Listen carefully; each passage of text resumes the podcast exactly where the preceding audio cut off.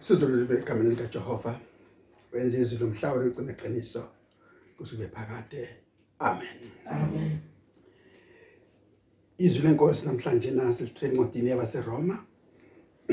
Sahlukene sesishiyagalombili. Siqala endimeni yokuqala sime kweshumi elinanye. Romans 8 from verse 1 to 11. Romans 8 from verse 1 to 11.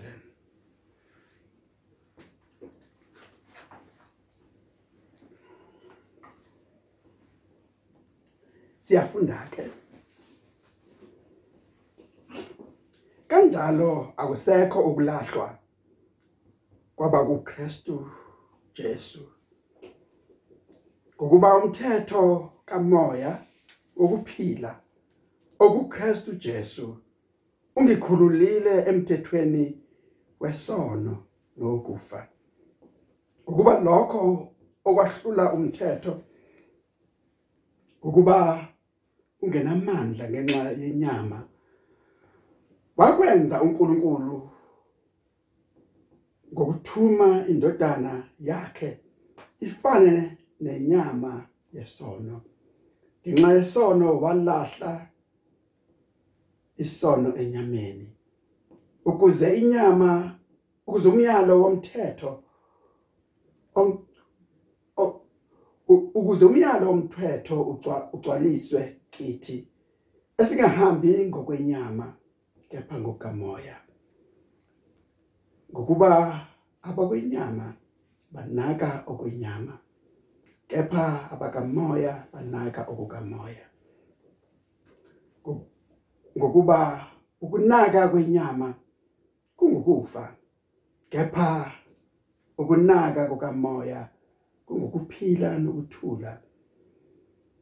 Ngokuba ukunaka kwenyama kungubutha kuNkulunkulu ngokuba akuthobeli umthetho kaNkulunkulu yebo futhi ungekwenze abasenyameni abanakumthokozisa uNkulunkulu.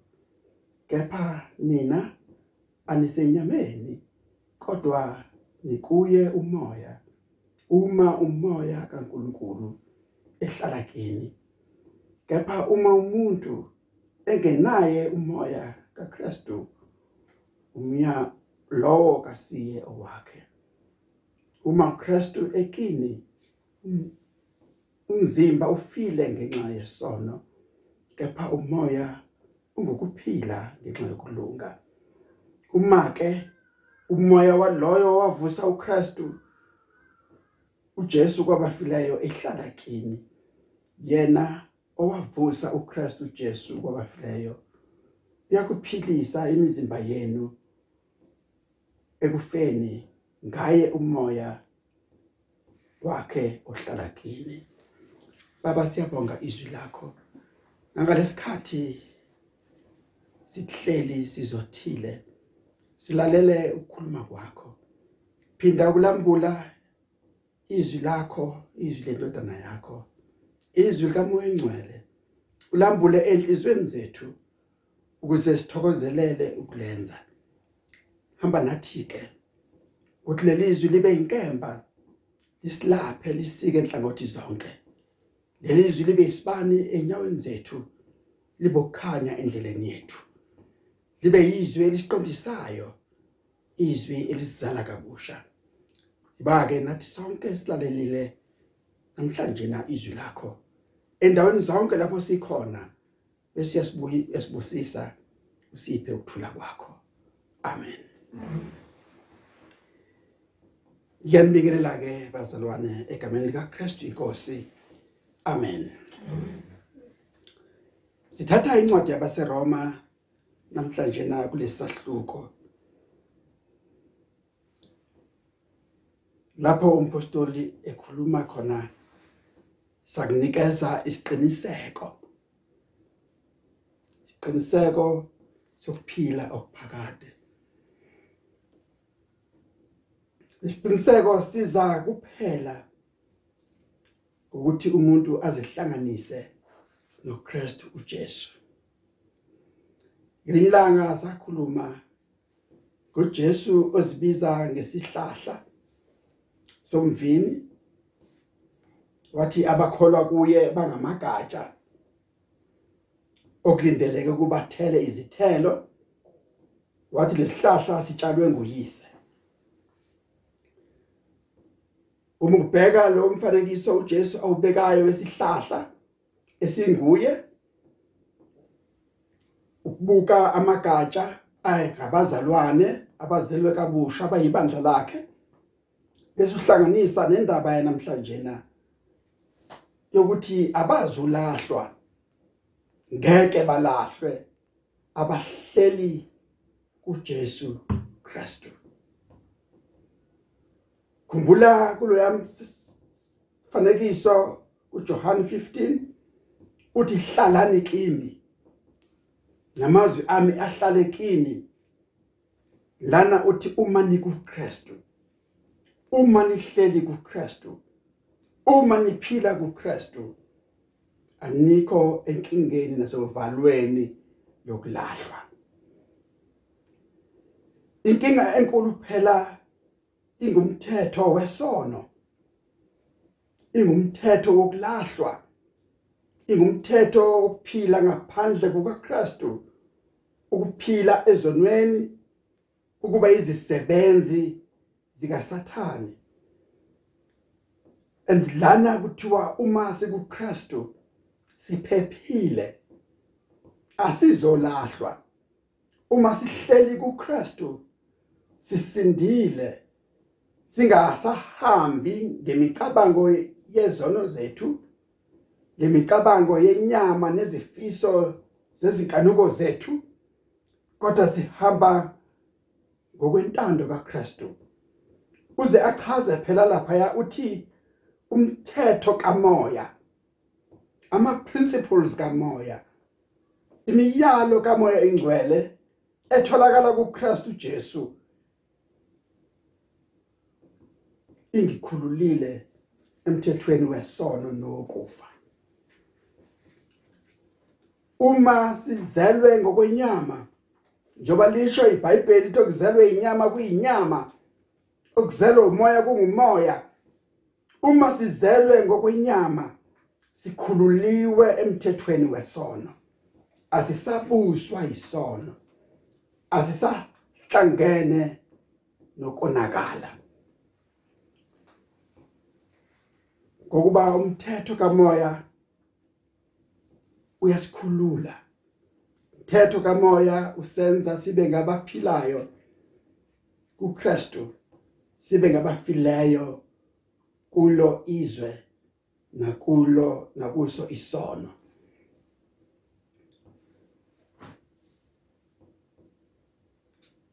Lo mthetho wesono nowenyama uphenduke ize ngesikhathi umuntu ehlala kuKristu ngesikhathi umuntu eba kuKristu ngesikhathi umuntu ephila kumoya.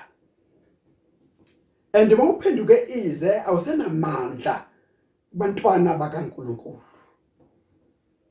Ngokuba abantu abangahambi nabangekho kuKristu bathokozisa imizwa yabo nenyama yabo. Uma ubheka kahle izwi esilifundileyo lana lithi ngokuba abanaka okwenyama ukunaka kwenyama kungukufa.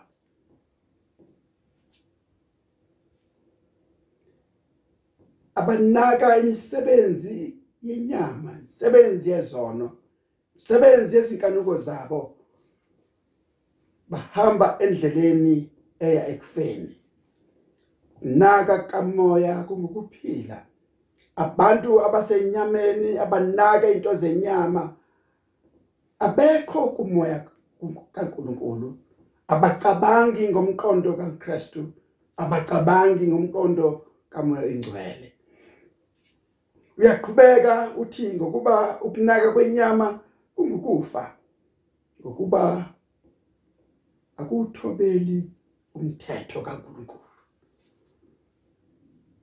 Hamba ngokwenyama phila ngokwenyama.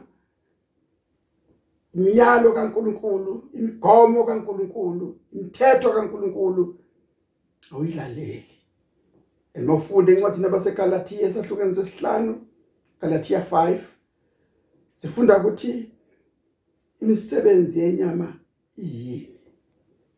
Yabalwa ngokulandelana kwayo imelene nezithelo zikamoya oyingcwele ngokuba ukunaka kwenyama kungubutha kuNkulunkulu ngokuba kuthobile umthetho.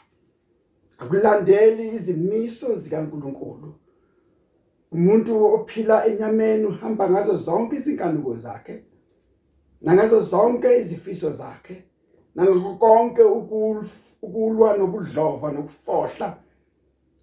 Kodwa uNkulunkulu akathokozi ngokwenze njalo. uNkulunkulu ufuna ukuba sihambe ngaye sihambe ngezwi lakhe. Ingakho ethi uJesu mina ngiyindlela ngiyiqiniso yokuphila. Bonke beza kubaba kufanele beze ngaye. Uma ufunda kuJohani esahlukweni sesithathu sifunda ukuthi okuzelwe umoya okuzelwe inyama kuyinyama okuzelwe umoya kungumoya ngakho kubalekile ukuphila entandweni kaNkuluNkulu. Sizalwe ngomoya kaNkuluNkulu sizalwe ngezwi likaNkuluNkulu. Senziwe abantwana bakaNkuluNkulu ngokukholwa. Kuze simthokozise uNkulunkulu ngoba masiphila ngezinkanuko zethu masiphila ngemizwa yethu. Masiphila ngokuthanda kwethu. Masiphila ngezifiso zethu. Asinakumthokozisa uNkulunkulu. Ilapho kushiwo kulelizwi Romans 8 uverse 8 usho njalo abasenyameni abanakumthokozisa uNkulunkulu. Benelisa inyama yabo benelisa izifiso zabo benelisa konke okuthandwa yibona noma ingasiphi isikhathi. uNkulunkulu akathokozi ngempilo enjalo ingakho uNkulunkulu eqhuquzela ukuzalwa kabusha ukuzalwa ngomoya ukuzalwa ngezwi kaNkulunkulu uverse 9 usinikeza indaba enkulu noma isithembiso nesiqiniseko. Uma ethi kodwa nina bazalwane nina bandla lika Jesu Kristu anikho kuleyo ngozi ngoba anikho enyameni. Anisaphili ngenyama anisenzi imisebenzi yenyama nemisebenzi yengqondo kodwa nikuye umoya. Anikho enyameni.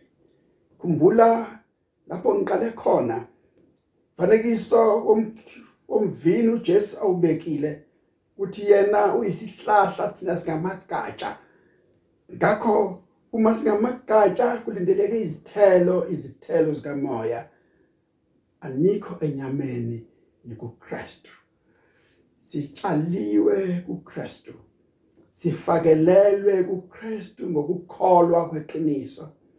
Noma ngabe sasizaleke kanjani ngemvelo yethu noma ngabe abazali bethu babe sithole kanjani kodwa ke sikhathi sivuma uKristu Jesu inkosi safakwa kuye sahlanganiswa naye satshalwa kuyena ngokukholwa kweqiniso.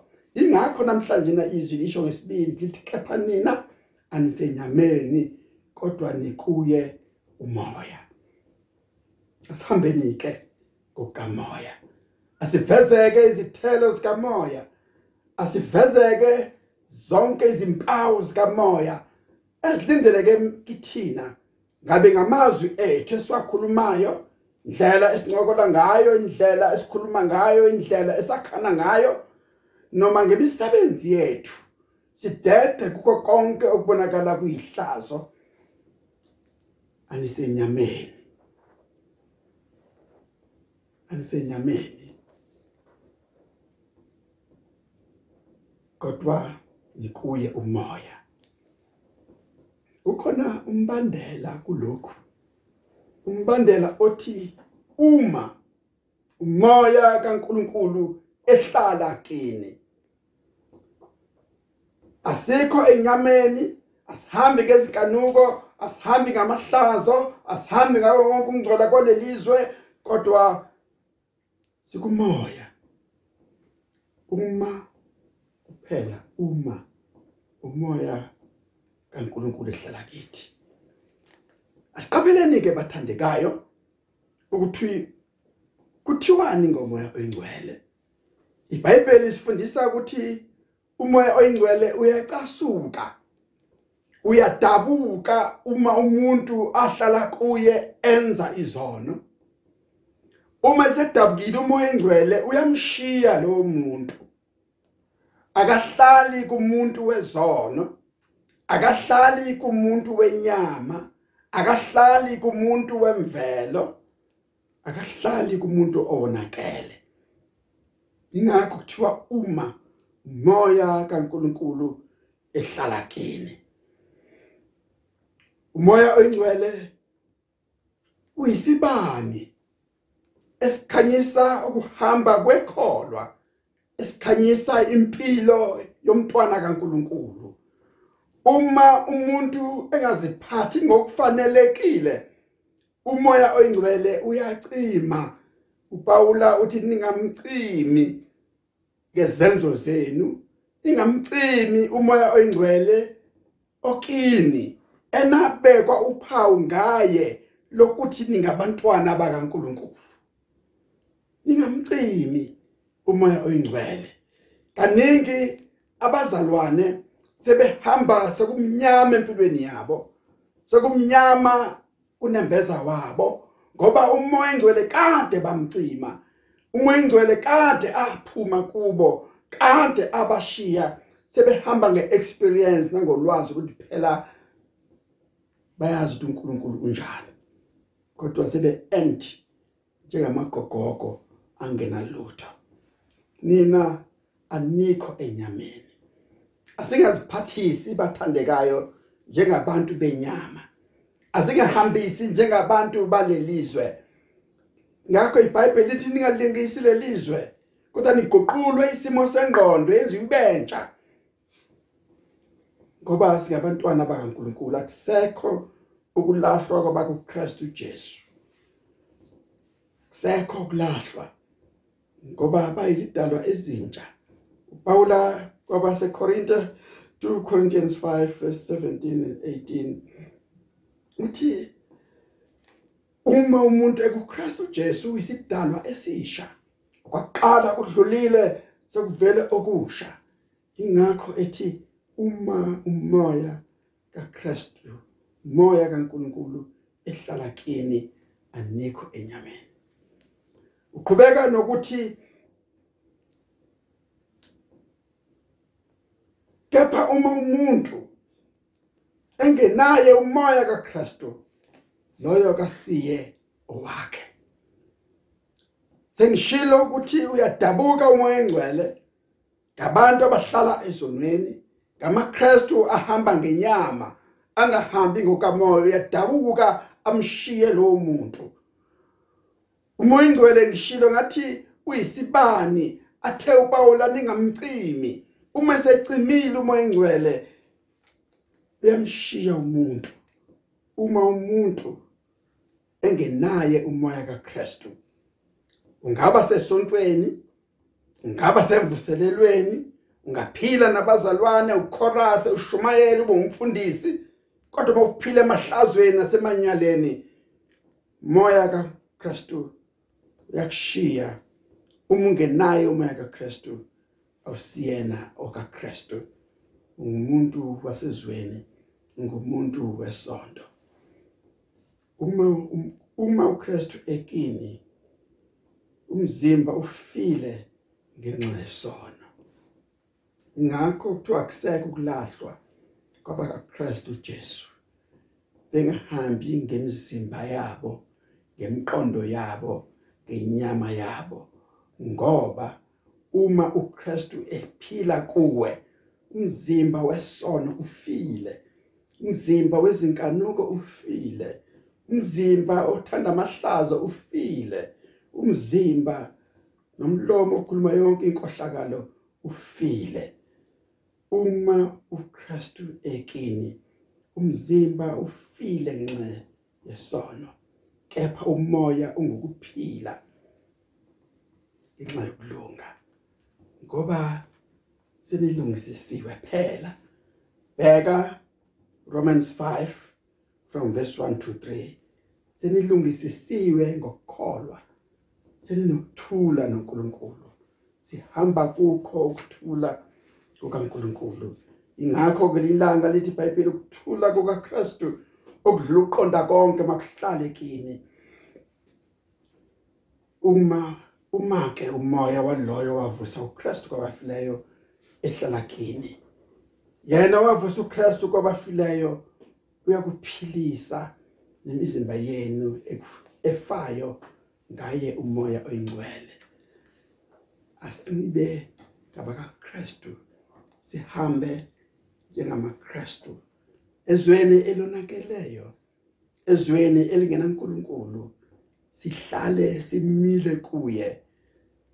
Naye ahlale kithi akusekho kulahlwa uma kunjalo akusekho ukusaba ithuna nesihogo uyazi ukuthi ngumntwana kaNkuluNkulu unokuphila okuphakade. Uze athi mawuqhubeka ufunda ngenzansi athi asinacala kuyo inyama. Kosiphinde sihambe ngokwenyama. Sikweleti lutho lezo zinto. Asikho enyameni asinaso asinasizungu sokuba senyameni. Asihalela ukuphila enyameni asihalela ukuphila ezweni ngoba safa. Kristu ophila kithina usilethela impilo entsha. Sizithandwa zika Kristu sinokuphila okuphakade. Akusekho kulahlwa.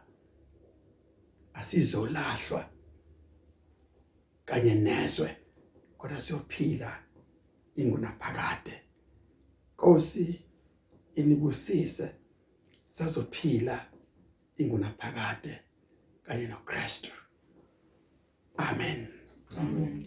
Siyakubonga Nkosi. Siyakubonga uNkulunkulu wethu ukusinikeza isiqiniseko sokuthi asizolahlwa kwesisikhathi usathana usifaka uvalo uyasingabazisa usenza sicabanga ukuthi sifana nabantu bakhe. Kodwa namhlanje sithola izwi esiqinisayo. Izwi elisimisa isibindi ukuthi uJesu ophila kithi uJesu esahlanganiswa naye ngokukholwa uJesu esatshalwa kuye safakelelwa kuye ngomoya oyingcwele wasihlanza ngegazi lakhe usenze kuba siphile ukuphila okuphakade. Sibusiseke baba noma sikude nabazalwane bethu singahlanganyele nabazalwane bethu. Bekude ezindaweni ezahlukene emakhaya ngamakhaya. Kodwa nangalesikhathi sibanikela kuwena uthi moya ingcwele bagcwalise bangabi nakho ukulahlwa. Tshala kubo umoya wokuphila umoya kaKristu Jesu ukuze bazi ukuthi abasenyameni bona kodwa bakumoya. Noma sekuvuka izivunguvungu sekuvuka izilingo sekuvuka izinkanuko nemizwa yabo kodwa bakhumbuza ukuthi ababona benyama abakwazi futhi ukuhamba ngokwenyama. Siyabakhulekela abantu bonke abakholwayo. Abezwa izwi lakho namhlanje na ezinhlungwini abakuzona kuba bavuke kube yizwi eliphilisayo. Kube yizwi elizobalethela ukuphila. Baphume ebumnyameni bangene ekhanyeni kwakho kumangalisayo abagulayo bavuse lolcansi nakulombhede wokugula sibaletha kuwe. Ukuthi izifo egcwele ezweni lakithi namhlanje na ngegama lika Jesu Christ waseNazaretha siyaziqalekisa kuba zibe kude nabantu bakho zibe kude nabazalwane bethu zibe kude namakhaya abazalwane. Philisa Nkosi bonke abazwa ubuhlungu abaqaqanjelwayo namhlanje na. Gama lika Jesu libuse kubona gama eliphilisayo igama lomsindisi kuba abasinde siyathandazela izwe lakithi izwe eligulayo elinabantu ababalwa ngamakhulu nangezinkulungwane abagulayo sithi inkosi baphilise. Ukuphila kuyoza ngawe ukuphila kukuwe. Philisa nkosi yami nalabo abasemazweni ngamazwe abahlaselekile. Uyasiphilisa kwesiyami ngisho nalabo abalapha abanye odokotela nabahlengikazi asebehlaselekile izifo. Igama lika Jesu bamezela ukuphila naphezulu kwabo. Duduza imindeni eshiwe izihlobo zayo. Duduza imindeni evelelwe izifo kulesi sikhathi wena ube uNkulunkulu weqiniso.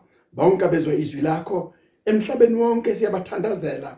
Lapho bekhona ukuthi wena Nkosi bagcwalise ngomoya wokuphila bangabi senyameni. Kodwa babe kuwe moya. Moya weqiniso moya kaKristu busa empilweni zabo. Siyabonga ukuthi uzosenzela konke lokhu sikucelile ngalo igama elihle lenkosi uJesu Kristu. Amen. Amen. Musa inkosi yethu Jesu thando lika baba uNkulunkulu hlanganyela kamoya engcwele ukube nani nonke. Gcina kulondolo wazo kunivikele azafika uJesu Kristu inkosi yethu. Amen. Amen.